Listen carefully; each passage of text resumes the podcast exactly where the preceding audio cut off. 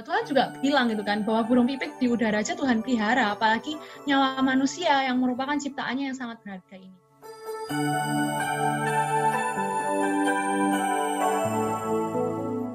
Hai, welcome everyone. Shalom.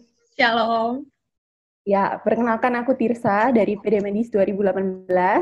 Dan sekarang aku sedang bersama dengan narasumber kita, yaitu Filian. Hai, Filian. Hai. ya, mungkin kalian bisa perkenalkan diri dulu. Oke, Tirsa, thank you buat kesempatannya ya. Aku udah diundang nih di sini, asik. ya, kenalin, kenalin nama aku Filian, aku dari PD Medis, angkatan 2012, eh 2018, sorry, sorry. Tua banget ya. Shalom semua. Itu typo gitu ya. Ya. Lian, sekarang kamu lagi sibuk apa nih?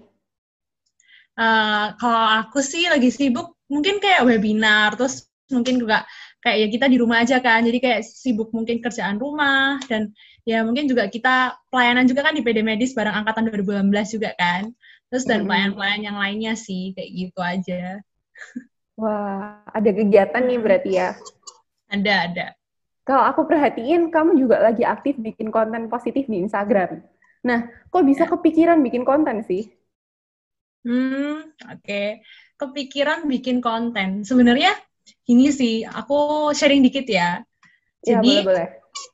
Ya, jadi dulu tuh memang aku sudah ada kerinduan memang dari dulu untuk ingin membagikan atau men-sharingkan apa yang sebenarnya Tuhan perbuat dalam hidupku, proses-proses yang aku lalui bersama Tuhan, kebaikan Tuhan, nggak cuma tentang aku ya mungkin, mungkin juga orang-orang di sekitarku. Dan aku juga punya kerinduan supaya orang-orang juga bisa mengenal dan mengerti kebenaran firman Tuhan serta tahu juga bahwa Tuhan Yesus sebagai satu-satunya Tuhan dan Juru Selamat.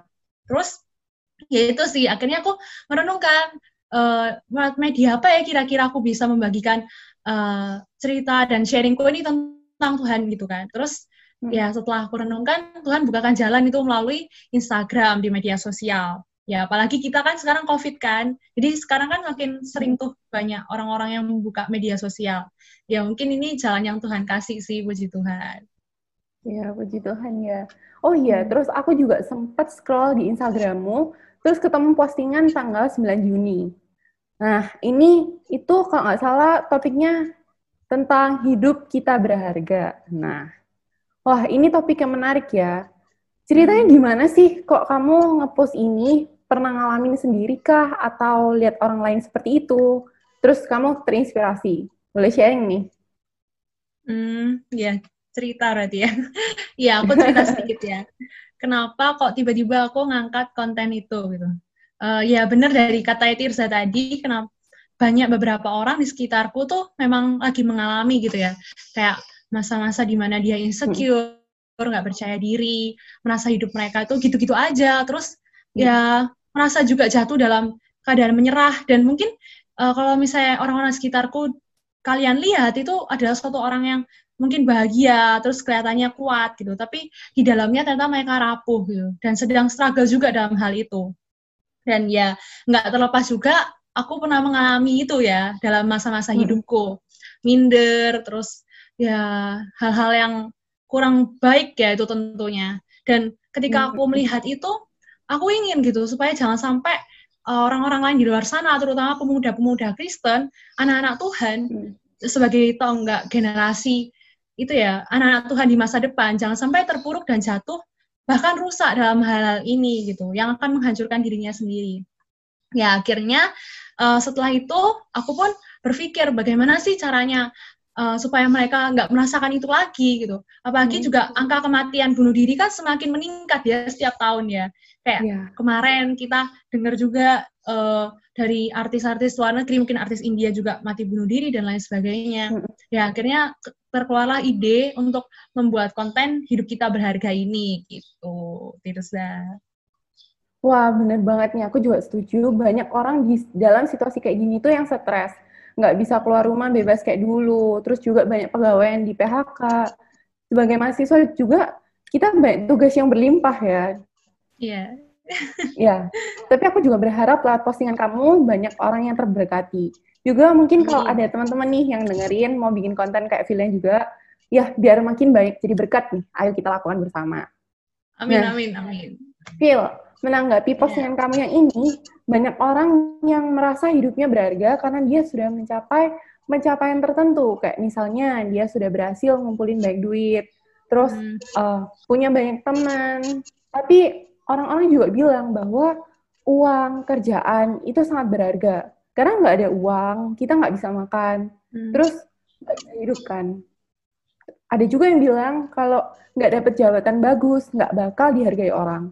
Tapi apakah hal-hal itu benar-benar memberi kebahagiaan buat kita? Gimana nih menurutmu?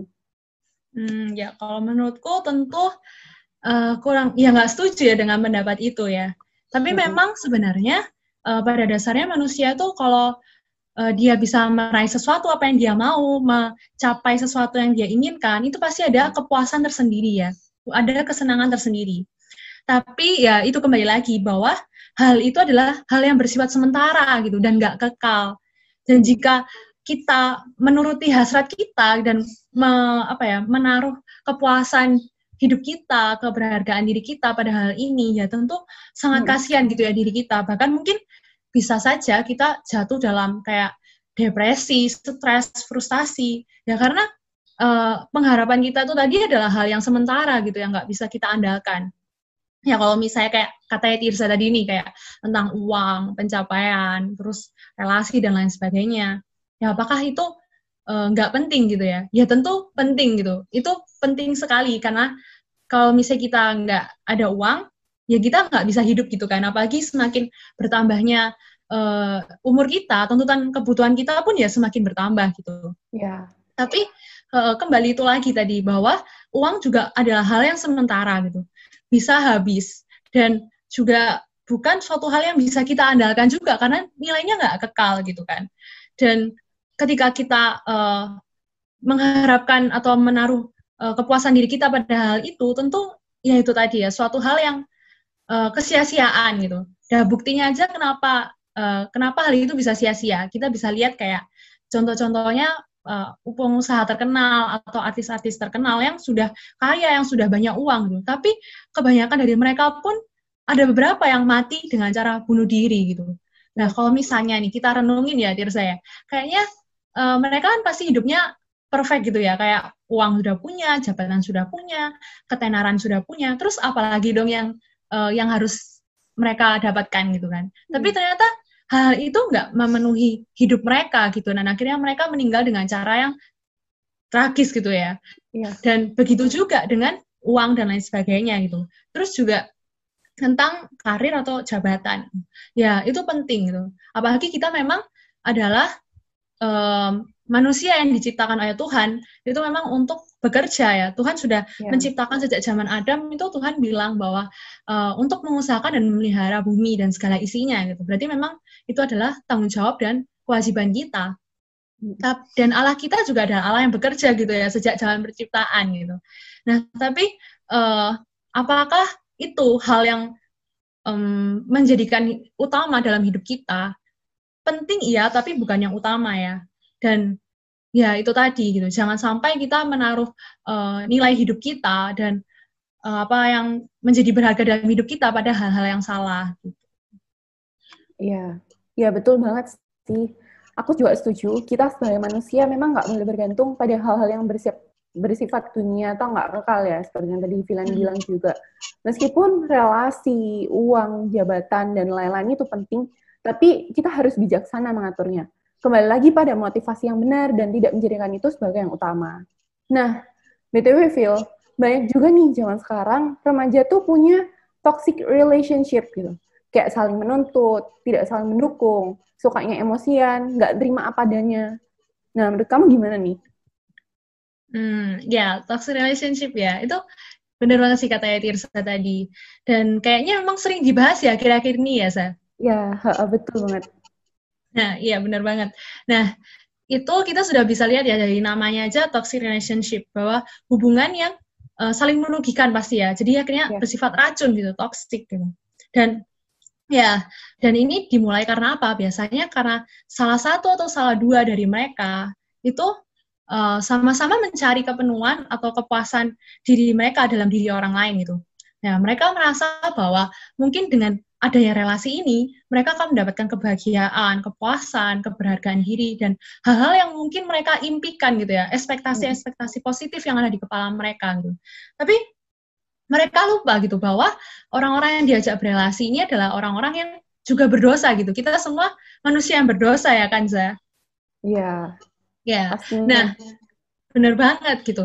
Nah, kalau misalnya relasi yang kita ajak relasi pun adalah orang yang berdosa, tentu uh, mereka juga bisa menyakiti hati kita, mereka juga bisa uh, ya uh, mungkin kayak mengecewakan kita dan juga mereka juga bukan pribadi yang sempurna ya karena manusia nggak ada yang sempurna, yang sempurna cuma Allah aja gitu kan. Dan di sini akhirnya kalau misalnya kita uh, banyak ekspektasi-ekspektasi positif dalam kepala kita, ya ketika kita melihat realitanya tidak sesuai dengan apa yang kita mau gitu ya. Akhirnya kita menuntut, terus menyakiti, terus juga uh, marah, egois dan lain sebagainya. Dominan mungkin. Ya hmm. ini sih kayak uh, menunjukkan bahwa realitanya kalau bukan manusia yang bisa memenuhi atau membahagiakan kita, tapi karena manusia juga bukanlah hal yang kekal kayak gitu. Iya, benar sih Lian. Um, hmm. Berarti kebahagiaan yang harus didapat dalam relationship itu kayak gimana sih menurut kamu? Hmm, oke. Okay. Ya, kalau kebahagiaan dalam relationship ya, tentu ya tadi gitu kan. Yang terakhir kita sudah bahas bahwa sudah membuktikan bahwa poin utamanya bukan manusia yang bisa membuat uh, hidup kita berharga dan memenuhi kebahagiaan hidup kita. Terus siapa dong yang bisa memenuhi itu semua? Ya, hmm. cuma Tuhan Yesus aja ya, guys. Nggak ada yang lain gitu. Hmm. Kalau kita hati kita dan hidup kita tuh penuh akan kasih Tuhan gitu. Maka kita bisa membagi atau mengasihi orang lain sesuai dengan kasih Tuhan yang sudah kita terima, yang sudah kita rasakan dalam hidup kita. Nah, kalau misalnya kita sendiri nggak penuh sama kasih Tuhan, gimana caranya kita mau membagikan itu kepada orang lain gitu kan? Mm-hmm. Ya, ini nggak cuma dalam pacaran aja gitu ya, tapi dalam semua hubungan kita. Dan apalagi kita sebagai anak Tuhan harusnya sudah penuh akan cinta kasih itu sendiri, Apalagi Tuhan kan sudah mati di atas kayu salib ya untuk menebus dosa-dosa kita. Itu sudah merupakan kasih yang begitu besar ya, yang nggak bisa kita uh, dapatkan dalam diri siapa pun selain Tuhan Yesus aja gitu. Dan justru ketika kita masuk dalam relationship itulah saatnya kita untuk membagikan dan saling berbagi kasih Tuhan yang sudah kita rasakan itu tadi. Nah, mungkin aku punya satu ayat Niza. Mungkin mau bisa tolong bacakan di Matius 6 ayat 33. Oke, bentar ya. Mm-hmm. Matius 6 ayat 33. Tetapi carilah dahulu kerajaan Allah dan kebenarannya, maka semuanya akan ditambahkan kepadamu. Amin. Ya, amin. Ya benar banget ya katanya Tirsa tadi. Di firman Tuhan aja Tuhan sudah bilang kan, carilah dahulu kerajaan Allah dan kebenarannya. Bukan cari jodoh dan relationship-nya. Terus kemudian semuanya akan ditambahkan kepada kita gitu. Jadi ya mungkin pesan buat kita semua adalah jangan kebalik ya. Tuhan Yesus tetap jadi prioritas utama dalam hidup kita.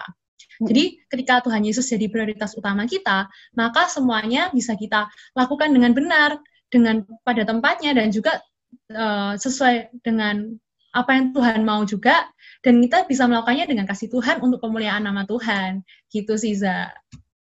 Ya, aku setuju sih, Lian. Kita nggak bisa memang mengharapkan orang lain berubah, karena nggak bakal sesuai dengan ekspektasi kita. Yang bisa tuh kita hanya merubah diri kita sendiri. Dan juga dalam suatu hubungan yang sehat adalah sama-sama mencari kerajaan Allah dan kebenarannya bersama.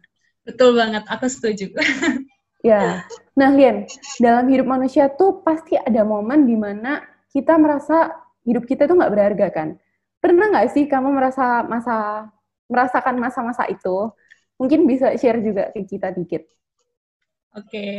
ya tadi kayaknya aku sudah singgung dikit ya tentang hal ini. Tentu pernah ya kayaknya ya, Zah. pasti semua orang pernah gitu mungkin. Mungkin yeah. Tirza pernah juga, aku pernah gitu kan. Hmm. Ya, kalau saya boleh sharing dikit, uh, aku pernah mengalami hal ini pada zaman SD gitu ya bahkan. Dan ketika itu uh, aku adalah orang yang sangat perfeksionis ya. Mungkin kayak melakukan semua hal tuh aku berusaha untuk melakukan hal yang terbaik supaya orang-orang menerima aku gitu. Supaya orang-orang bisa seneng sama aku dan bisa apa ya puas dengan hasil usahaku gitu. Aku bisa menyenangkan mereka gitu kan. Ya itu pikirku pada saat itu gitu. tapi uh, ternyata apa yang aku lakukan itu tidak sesuai dengan apa yang aku harapkan gitu, yang aku dapat gitu kan. Jadi ketika aku melakukan semuanya dengan susah payah untuk mendapatkan hasil yang terbaik, ternyata uh, ada sekelompok orang gitu yang me, apa ya mengucilkan aku, membuli membuli aku gitu. Dan ya aku mungkin di ya entahlah dibicarakan apa pun gitu. Dan itu membuat aku down ya aku drop. Aku merasa kayak Tuhan aku sudah melakukan yang terbaik loh buat engkau gitu. Aku udah melakukan yang terbaik loh buat orang-orang yang aku sayang gitu. Kenapa kok masih aja ada yang nggak suka sama aku? Masih ada yang bully aku gitu. Terus aku merasa hmm. kayak sia-sia aku merasa kayak hidupku nggak berharga. Aku bingung uh, tujuan apa sih yang Tuhan mau dalam hidupku dan lain sebagainya gitu. Hmm. dan ya sampai di titik situ dan aku menyadari bahwa bukan hal itu yang ternyata bisa memuaskan hidupku gitu ya. Bukan pencapaian-pencapaianku tapi ternyata ada satu pribadi yang benar-benar mengubahkan aku yaitu Tuhan Yesus sendiri gitu. Dan ketika aku kenal, ya itu menjadi suatu titik balik dalam hidupku. Ya akhirnya aku bisa bangkit dari keterpurukanku itu. Dan akhirnya aku bisa memaksimalkan serta lebih bersyukur lagi dengan apa yang Tuhan beri. Tuh. Wah, ternyata kamu pernah ya ngalamin kayak gitu. Aku pun juga pernah, tapi mungkin hmm. kita sharing nanti.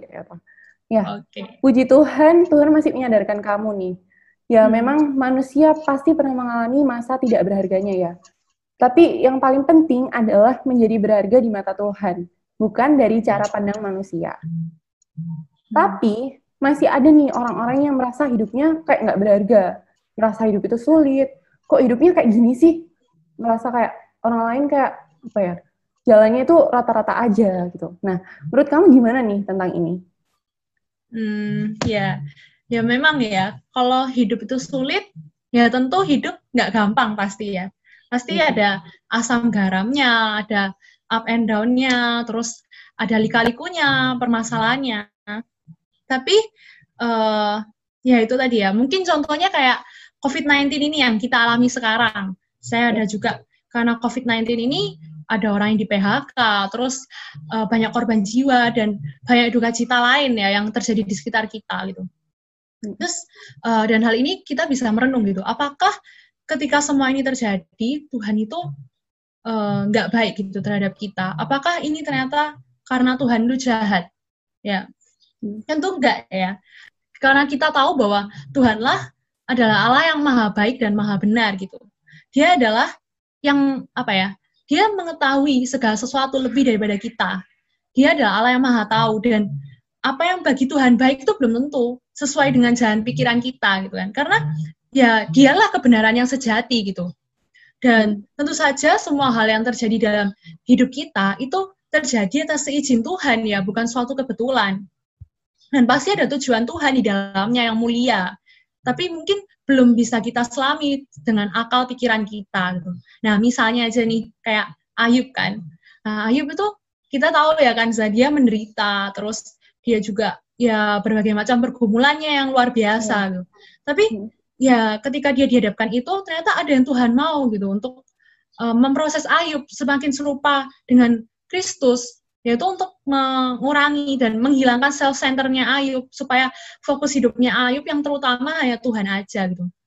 Dan hmm. ya itu tadi ya bahwa uh, ketika kita diperhadapkan hal, hal seperti itu, jangan sampai kita ter, uh, termasuk masuk dalam pola pikir bahwa Allah itu jahat. Terus jangan sampai kita masuk ke dalam pola pikir uh, bahwa Allah itu nggak baik dan lain sebagainya. Itu sudah termasuk kita menjelek-jelekan Allah atau bahkan menghujat Allah.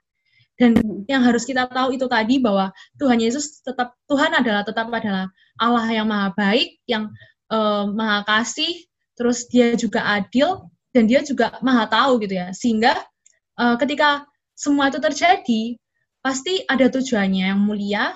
Dan ketika itu maka kita uh, ketika kita ingin tahu bahwa bahwa dia adalah Allah yang mulia maka kita juga harus mengenal Tuhan itu sendiri dan pikiran-pikirannya gitu ya. Dan ketika kita mengenal dia ya tentunya kita akan mengetahui segala rencana-rencananya gitu. Dan juga uh, Tuhan bisa pakai apa pun ya untuk memproses hidup kita untuk tujuannya. Yang mulia itu tadi bisa dari pergumulan bisa dari uh, kesulitan terus juga bisa dari firman Tuhan dan bisa juga dari berkat-berkat Tuhan. Jadi nggak ada yang kebetulan dan semuanya itu baik, guys. Selama kita bersama dengan Tuhan, kayak gitu. Iya, betul sih, Lian. Memang semua hal dalam dunia ini meski kelihatannya kurang baik, tapi semua proses dari Tuhan itu pasti ada positifnya dan feedback yang baik buat kita gitu. Nah, bahkan itu bisa jadi untuk kebaikan kita, sekitar kita, mungkin juga bagi dunia gitu. Dan yang paling penting adalah mengenal Allah dan bertumbuh setiap hari. Dan kita rajin baca Alkitab, doa juga, dan berkomunikasi dengan Tuhan. Ya, nah, setuju. kalau kita tarik di situasi sekarang nih, kan lagi corona ya. Iya. Angka kematian itu semakin tinggi. Tapi nyatanya makin banyak yang tidak sensitif terhadap kenaikan ini. Nyawa manusia sekarang itu hanya sebatas angka saja. Sepertinya nggak berguna gitu. Gimana pandangan ke kamu tentang ini? Hmm. Ya, aku setuju ya. Kayaknya dari memang peristiwa yang kira-kira ini terjadi, memang tingkat kepedulian kita tuh semakin berkurang ya malahan. Jadi semakin bertambahnya zaman, uh, malah kasih yang mula-mula itu hilang gitu. Kasih Tuhan itu hmm. semakin hilang. Manusia semakin egois, makin mementingkan ke, kepentingan pribadi gitu. Apalagi dengan adanya COVID-19 ini bukannya malah semakin mengasihi satu sama lain, tapi malah semakin egois ya. Dan ya itu hmm. tadi buktinya salah satunya adalah uh, banyak orang yang melihat angka kematian nyawa dari manusia itu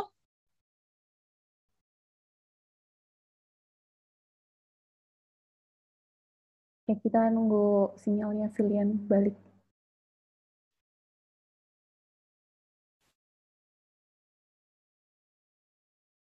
Tuhan yang menciptakan kita itu tadi adalah Tuhan yang bilang bahwa hidup kita tuh berharga gitu. Seperti yang ditulis dalam Yeremia 43 4a. Coba Tirza tolong bacain ayatnya.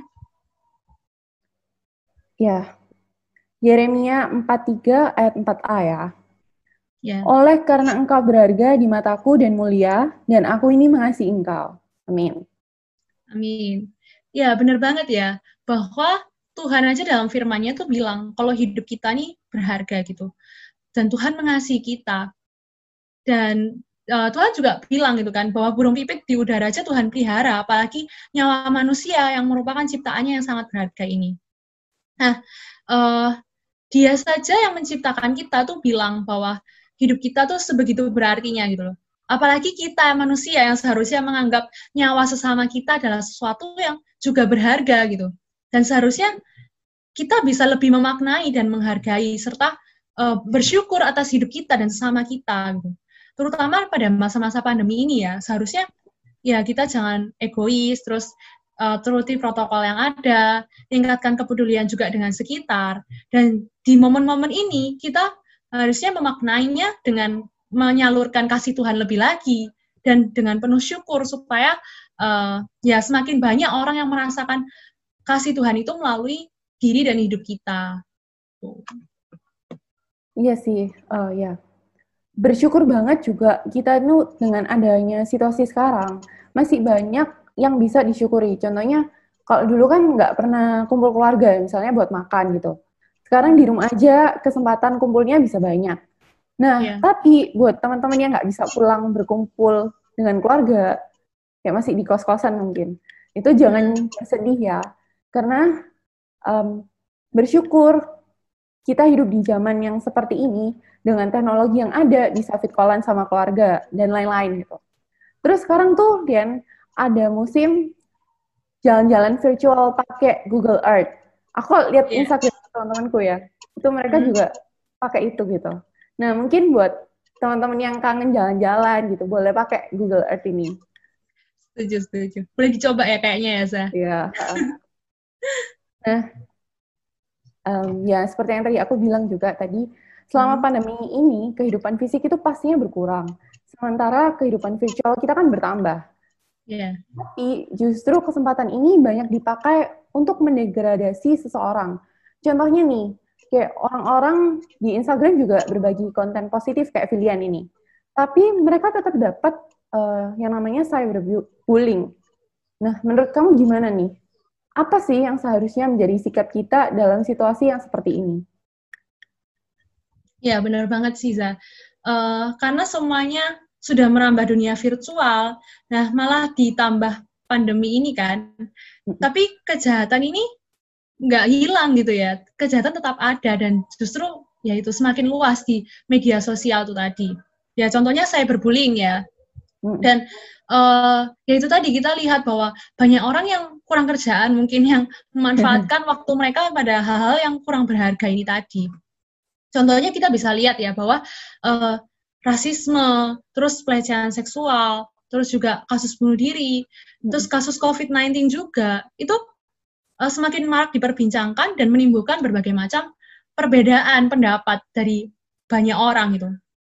Dan ini yang uh, harus kita itu ya pahami bahwa ketika semua orang memperjuangkan pendapatnya, ketika satu sama lain berkelahi gitu kan, membuli pendapatnya satu sama lain atau membuli suatu hal gitu, kita harus merenung sebagai anak-anak Tuhan ya, yang seharusnya kita mengenalkan kebenaran yang sejati itu, apakah hal-hal itu sudah sesuai dengan kebenaran firman Tuhan?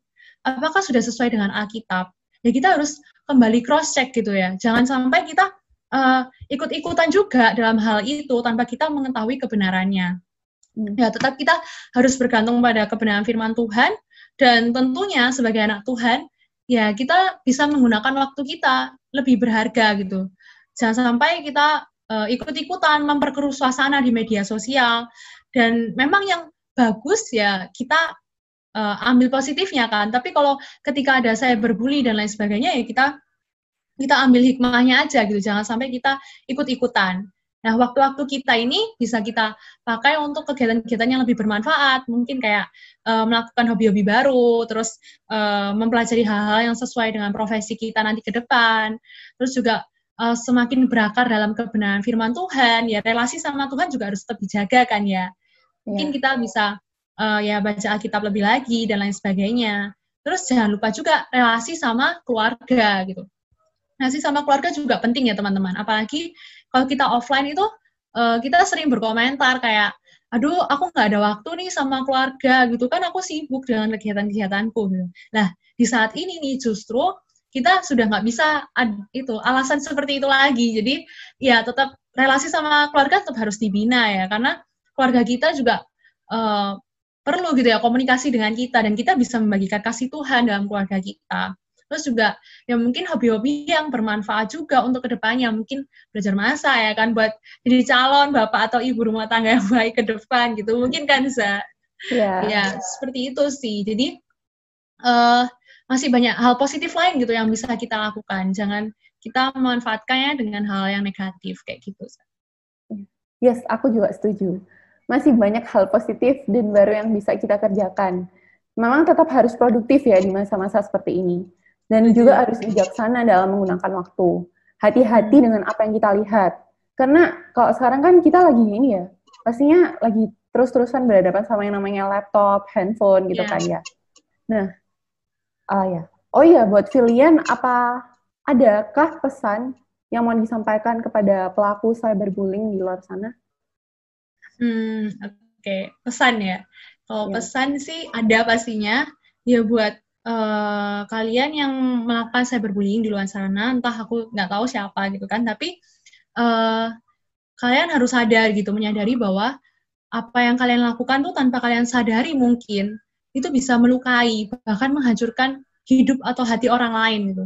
Dan hmm. kalian nggak tahu kan apa dampaknya bagi mereka gitu. Apakah bisa parah ataukah cuma hanya membuat mereka drop gitu. Kalau parah bagaimana gitu kan? Juga apa ya?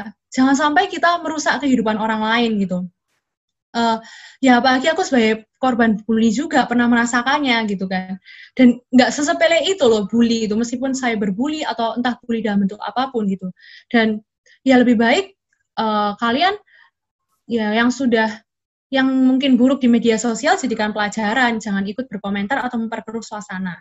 Tapi aku sarankan mungkin kalian bisa bangun hidup kalian lebih lagi, jadi pribadi yang lebih baik setiap harinya. Jadi berkat juga buat sesama dan orang-orang di sekitarmu, dan buat hidupmu juga jauh lebih bermakna gitu kan. Ya, hidup itu cuma sekali gitu ya. Tapi bukan berarti kita memanfaatkannya seenak hati atau seenak hidup kita gitu. Bahwa kita ingat bahwa hidup kita juga ada pemberian Tuhan, anugerah Tuhan yang luar biasa.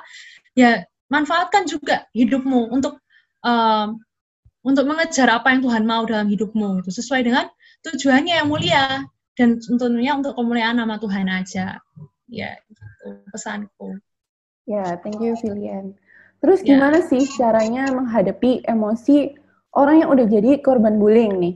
Kayak juga uh, broken home dan lain-lain juga. Hmm. soalnya kebanyakan orang-orang yang punya masalah khusus seperti tadi ini contohnya cenderung punya emosi yang tidak stabil atau sensitif gitu Silakan Julian. Hmm. Oke. Okay. Ya, pertanyaan ini menurut aku memang uh, ya perlu juga ya. Bahwa aku juga pernah jadi korban bully. Aku merasakan bahwa ada yang kosong dalam hidupku. Aku merasakan bahwa uh, ya masa-masa down, terus masa insecure, nggak percaya diri, hidup itu nggak berharga dan lain sebagainya. Dan hmm. tentu juga untuk korban broken home juga ya. Mungkin aku mungkin nggak mengalami ini gitu. Tapi aku pernah berada uh, menemani teman-temanku pada saat yang SD gitu ya sahabat-sahabatku uh, mereka harus mengalami broken home gitu di usia mereka yang masih SD dan aku melihat itu bahkan mendampingi mereka dalam proses itu gitu. Dan aku melihat bahwa uh, apa ya usia SD yang seharusnya mereka merasakan uh, kasih sayang orang tua yang lengkap harusnya mereka senang-senang terus juga pembentukan karakter mereka kan. Tapi mereka malah melalui pengalaman yang sangat sulit ya. Sangat sulit dan sangat sedih ya menurut aku ya. Sangat menyakitkan juga gitu. Dan di sini mereka merasakan ada hal yang kosong mereka ya mungkin juga ada sakit hati juga antara kepada keluarga atau kepada teman yang terbawa gitu mungkin ya. Dan tapi aku melihat gitu bahwa uh, ketika seiring berjalannya waktu mereka bisa berubah gitu. Dan perubahan ini tidak lain dan tidak bukan cuma hanya karena Tuhan Yesus aja gitu. Enggak bukan manusia, bukan hal yang lain atau hal ya hal dunia yang lain ya, tapi ketika Tuhan Yesus bekerja dalam diri mereka, mengubahkan hati mereka, ya berkarya dalam hidup mereka, akhirnya mereka pulih gitu. Bahkan mereka bisa mengampuni orang-orang yang menyakiti mereka ya, entah itu orang tua mereka, entah itu teman mereka, bahkan uh, mereka bisa mensyukuri apa yang terjadi di kehidupan lalu itu adalah pelajaran mungkin yang bisa dia maknai dalam kehidupannya. Dan uh, dia juga tetap berpengharapan juga untuk masa depannya gitu kan. Dan ya semua ini nggak terlepas dari karya Tuhan Yesus aja sih. Dan juga kalau misalnya tadi Tirza tanya gitu kan gimana sih uh, uh, apa ya kayak mengatasi gitu ya, mengatasi uh, mereka yang menjadi korban broken home atau bully. Gitu. Ya sebenarnya nggak ada cara khusus-khusus lain ya, karena ya mereka sama aja sama kita gitu. Dan yang mereka perlukan tuh cuma kasih Tuhan aja gitu, cuma pribadi Tuhan Yesus aja gitu. Dan ketika mereka belum dapat itu, mungkin ketika kita sudah percaya, ketika kita sudah kenal Tuhan Yesus terlebih dahulu, ya kenalkan itu ke mereka. Gitu. Dan ketika mereka sudah kenal, sudah Tuhan uh, ubahkan ya. Kita jadi saudara bertumbuh mereka gitu. Saling mensupport satu sama lain dalam kebenaran firman Tuhan.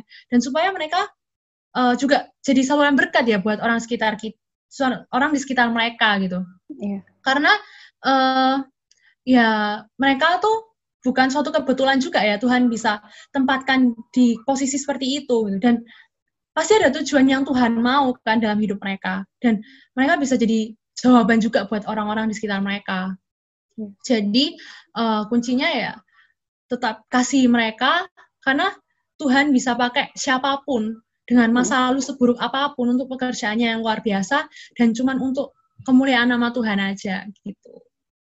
Ya, aku setuju, Lian. Um, nah, kalau gitu apa ada pesan nih buat korban bullying? Oke, ya pesan-pesan buat korban bully atau korban bully atau korban broken home ya ya aku pesan sih ini ampuni orang-orang yang mungkin menyakiti hatimu di masa lalu ya entah itu orang tua sahabat dan lain sebagainya. Dan jangan pernah merasa nggak berharga karena Tuhan Yesus sudah mati di atas kayu salib buat kamu itu buat hidupmu. Dan hidupmu tuh berarti berharga gitu dan juga kamu bisa jadi jawaban buat orang-orang di sekitarmu Tuhan Yesus juga ciptain kamu tuh nggak kebetulan. Dia punya tujuan yang indah buat kamu dan masa depan yang Tuhan sudah siapkan dengan sempurna gitu ya. Tapi uh, apakah kamu mau percaya gitu? Jadi tetaplah percaya kepada Tuhan dan andalkan Tuhan aja gitu. Karena nanti dia sendiri yang akan menuntun kamu untuk mengenapi panggilannya. Ya tetap jadi diri sendiri juga tetap kasih orang-orang yang dari sekitarmu yang sudah Tuhan percayakan dalam hidupmu dan mungkin kamu ada yang bertanya-tanya uh, apa sih bukti nyata Tuhan Yesus mengasihi kamu? Terus kenapa kok uh, kamu masih kenapa kok aku ditempatkan di keluarga seperti ini atau di kondisi seperti ini gitu? Ya uh, mungkin aku juga uh, mungkin tidak pernah merasakan ya pengalamannya seberat kalian gitu. Tapi aku mau sampaikan aja di firman Tuhan di Mazmur 27 ayat 10 ya mungkin Tirza boleh tolong bacakan oke okay. Mazmur 27 ayat 10 hmm. Sekalipun ayahku dan ibuku meninggalkan aku, namun Tuhan menyambut aku. Amin. Amin. Ya, benar banget ya kata Tirsa tadi. Di firman Tuhan Mazmur 27 ayat 10, Tuhan berkata seperti itu gitu bahwa sekalipun keluarga kita pergi, teman kita pergi, sahabat kita pergi, tapi Tuhan Yesus tetap setia menyambut kita. Gitu. Dan itu adalah hal yang benar-benar berharga yang bisa kita miliki dalam hidup kita ya, yaitu kasih Tuhan itu sendiri bahwa dia nggak pernah meninggalkan kita sedetik pun. Gitu. Jadi tetap jalani hidupmu dengan semangat, tetap andalkan Tuhan, dan Tuhan pasti punya tujuan yang indah buat kamu. Gitu. Ya, gitu ya. sih. Ya, oke. Okay. Betul sih. Pengampunan kepada pelaku di masa lalu kita itu memang sangat penting ya. Itu juga kan yang diajarkan dan diberikan Tuhan Yesus kepada kita, yaitu kasih. Mungkin teman-teman ada yang merasa kesulitan mengampuni, Nggak apa-apa guys, ayo terus mencoba dan belajar mengampuni. Step by step bersama Tuhan pasti bisa. Hidup kita jadi berharga ketika kita melakukan seperti apa yang Tuhan lakukan, yaitu kasihi sesama. Oke. Okay. Nah, Lian, dulu kan kamu pernah ngerasa hidup tuh nggak berharga ya? Sekarang udah nggak. Nah, apa ya. yang membuat hidupmu sekarang berharga? Oke, okay. ya apa yang membuat hidupku sekarang berharga?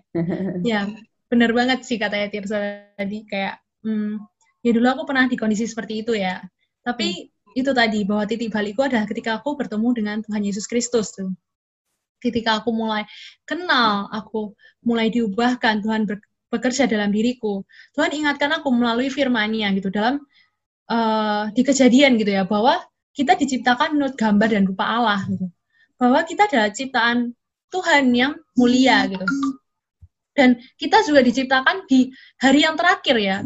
Berarti semua sudah Tuhan siapkan gitu kan untuk kita. Dan kita juga adalah satu-satunya ciptaan yang dihembuskan dengan nafas Allah. Mana ada ciptaan lain yang uh, dihembuskan dengan nafas Allah selain manusia? Nggak ada ya. Dan itu menunjukkan bahwa ya hidup kita bergantung total pada Tuhan gitu. Dan apalagi Tuhan juga memberikan mandat kepada kita gitu bahwa uh, untuk mengusahakan dan memelihara bumi dan segala isinya dan ciptaan lain nggak mendapatkan mandat itu. Berarti hmm. menunjukkan bahwa seistimewa itu loh manusia di hadapan ya hidup kita ini gitu. Dan tapi semua itu tuh rusak gitu ketika manusia jatuh dalam dosa kan. Ya nilai gambar dan rupa Allah kita rusak karena dosa. Juga relasi kita dengan Tuhan pun yang kudus dan mulia itu pun jadi rusak. Kita kehilangan kemuliaan Allah. Tapi ada yang membuat nilai hidup kita kembali dan ada yang membuat relasi kita dengan Tuhan itu pulih yaitu penebusan Tuhan Yesus sendiri di atas kayu salib untuk menebus dosa kita manusia yang tidak layak ini dia pulihkan kembali kita. Dan karena hidup kita yang rusak sudah ditebus oleh Tuhan dengan anugerahnya itu maka yaitu tadi hidup kita bukan untuk kita lagi ya tapi untuk Tuhan dan milik Tuhan gitu. Sudah milik Tuhan sepenuhnya.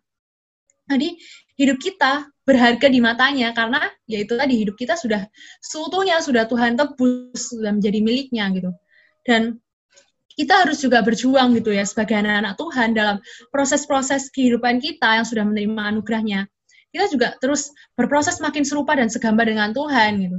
Mungkin kita jatuh bangun dalam dosa tapi Tuhan tetap menyertai kita, Tuhan tetap memegang tangan kita dan itu Tuhan tetap memampukan kita gitu kan karena ya janji Tuhan gitu tidak pernah mengingkari gitu dan masing-masing kita juga Tuhan panggil untuk uh, tujuannya yang mulia ya untuk kemuliaan namanya aja gitu dan ya ketika kita sudah ditebus Tuhan gitu dan kita sudah mempercayai Dia sebagai satu Tuhan dan juru selamat maka kita akan bersama-sama dengan Tuhan, gak cuma di dunia ini aja, tapi juga nanti sampai dengan kehidupan yang kekal. Dan itulah yang membuat aku merasa kayak, oh iya ya Tuhan ya hidupku sangat berharga karena hidupku sudah dimiliki Tuhan secara total kayak gitu, hmm. Irsa. Ya, betul sih. Ya, manusia spesial ya di mata Tuhan dan juga manusia adalah miliknya Tuhan.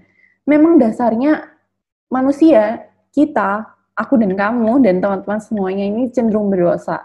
Tapi ketika kita berdosa, harus cepat-cepat sadar dan berbalik pada jalan yang benar ya. Nah, Filian. Kalau menurut Filian nih, sekarang apa hal yang paling terpenting atau yang menjadi prioritas utamanya dalam hidup Filian? Coba kalau boleh um, disebutin tiga mungkin. Oke, kalau tiga, aku punya tiga ya benar-benar uh, yang pertama adalah punya Tuhan Yesus. Terus bertumbuh dalam Tuhan Yesus dan yang ketiga berubah dalam Tuhan Yesus. Jadi kenapa kok tiga ini sih? Jadi uh, tiga ini penting banget karena ketika kita tiga ini sudah ada dalam diri kita gitu ya, di mana pun dan kapan pun kita ditempatkan dan apa pun yang mau kita kerjakan dan kita lakukan, kita tetap jadi apa yang Tuhan mau dalam hidup kita. Dan kita juga bisa jadi saluran berkat buat orang-orang yang ada di sekitar kita. Dan uh, ketika kita sudah mengetahui hati Tuhan, maka uh, Tuhan akan uh, apa ya memberikan kita kasihnya begitu luar biasa dan ketika kita bisa melihat semua yang Tuhan beri, ya semua tanggung jawab yang sudah Tuhan beri itu entah itu pasangan hidup, keluarga, pekerjaan, panggilan hidup, pelayanan, kita bisa memposisikannya sesuai dengan apa yang Tuhan mau dengan benar dan sesuai dengan kasih Tuhan kayak gitu. Wah, iya, aku setuju juga sama Filian. Dengan itu prioritas utama kita adalah Tuhan ya. Dengan yang lainnya kayak keluarga, saudara, teman-teman, dan lain-lain itu sudah tercakup di dalamnya. Nah, teman-teman, karena kita udah ada hampir hampir ada di sesi uh, terakhir sharing ini, mungkin ada tips-tips dari Filian buat aku dan teman-teman yang dengerin supaya bisa merasa hidupnya itu berharga. Silakan, Phil. Oke. Ya, tips-tipsnya pertama pasti kalian harus bersyukur ya karena hidup ini adalah pemberian Tuhan dan anugerah dari Tuhan. Terus yang kedua juga jadikan Tuhan Yesus sebagai satu-satunya Tuhan dan juru selamat dalam hidupmu dan yaitu bertumbuh dalam kebenaran firman Tuhan dan uh, kenali dan cari apa yang Dia mau dalam hidupmu. Semuanya untuk tujuannya yang mulia ya tentunya. Seperti di Yeremia 29 ayat 11. Mungkin uh, Tirza bisa tolong bacakan. Iya. Yeremia 29 ayat 11. Sebab aku mengetahui rancangan-rancangan apa yang ada padaku mengenai kamu, demikianlah firman Tuhan, yaitu rancangan damai sejahtera dan bukan rancangan kecelakaan untuk memberikan kepadamu hari depan penuh harapan. Amin. Amin. Iya, benar banget ya. Tuhan Yesus saja di firman-Nya sudah mengatakan bahwa uh, hidup kita dan masa depan kita tuh sudah ada dalam tangan Tuhan gitu. Dan rancangannya bukan rancangan kecelakaan ya, melainkan rancangan damai sejahtera. Sudah se uh, sebegitu luar biasanya Tuhan merancangkan hidup kita, sematang itu ya, ya sesempurna itu sesuai dengan uh, kemahabenaran Tuhan gitu. Dan dia juga ada Allah yang maha tahu dan tentunya tahu yang terbaik untuk kita. Jadi sekarang maukah kita untuk tetap mengandalkan Tuhan dan menjadikan Tuhan Yesus sebagai satu-satunya Tuhan dan Juru Selamat, serta berpengharapan penuh kepada Tuhan, lalu kemudian maukah kita untuk menyerahkan hidup kita secara total dan biarkan Tuhan yang menyetir hidup kita agar makin serupa dengannya.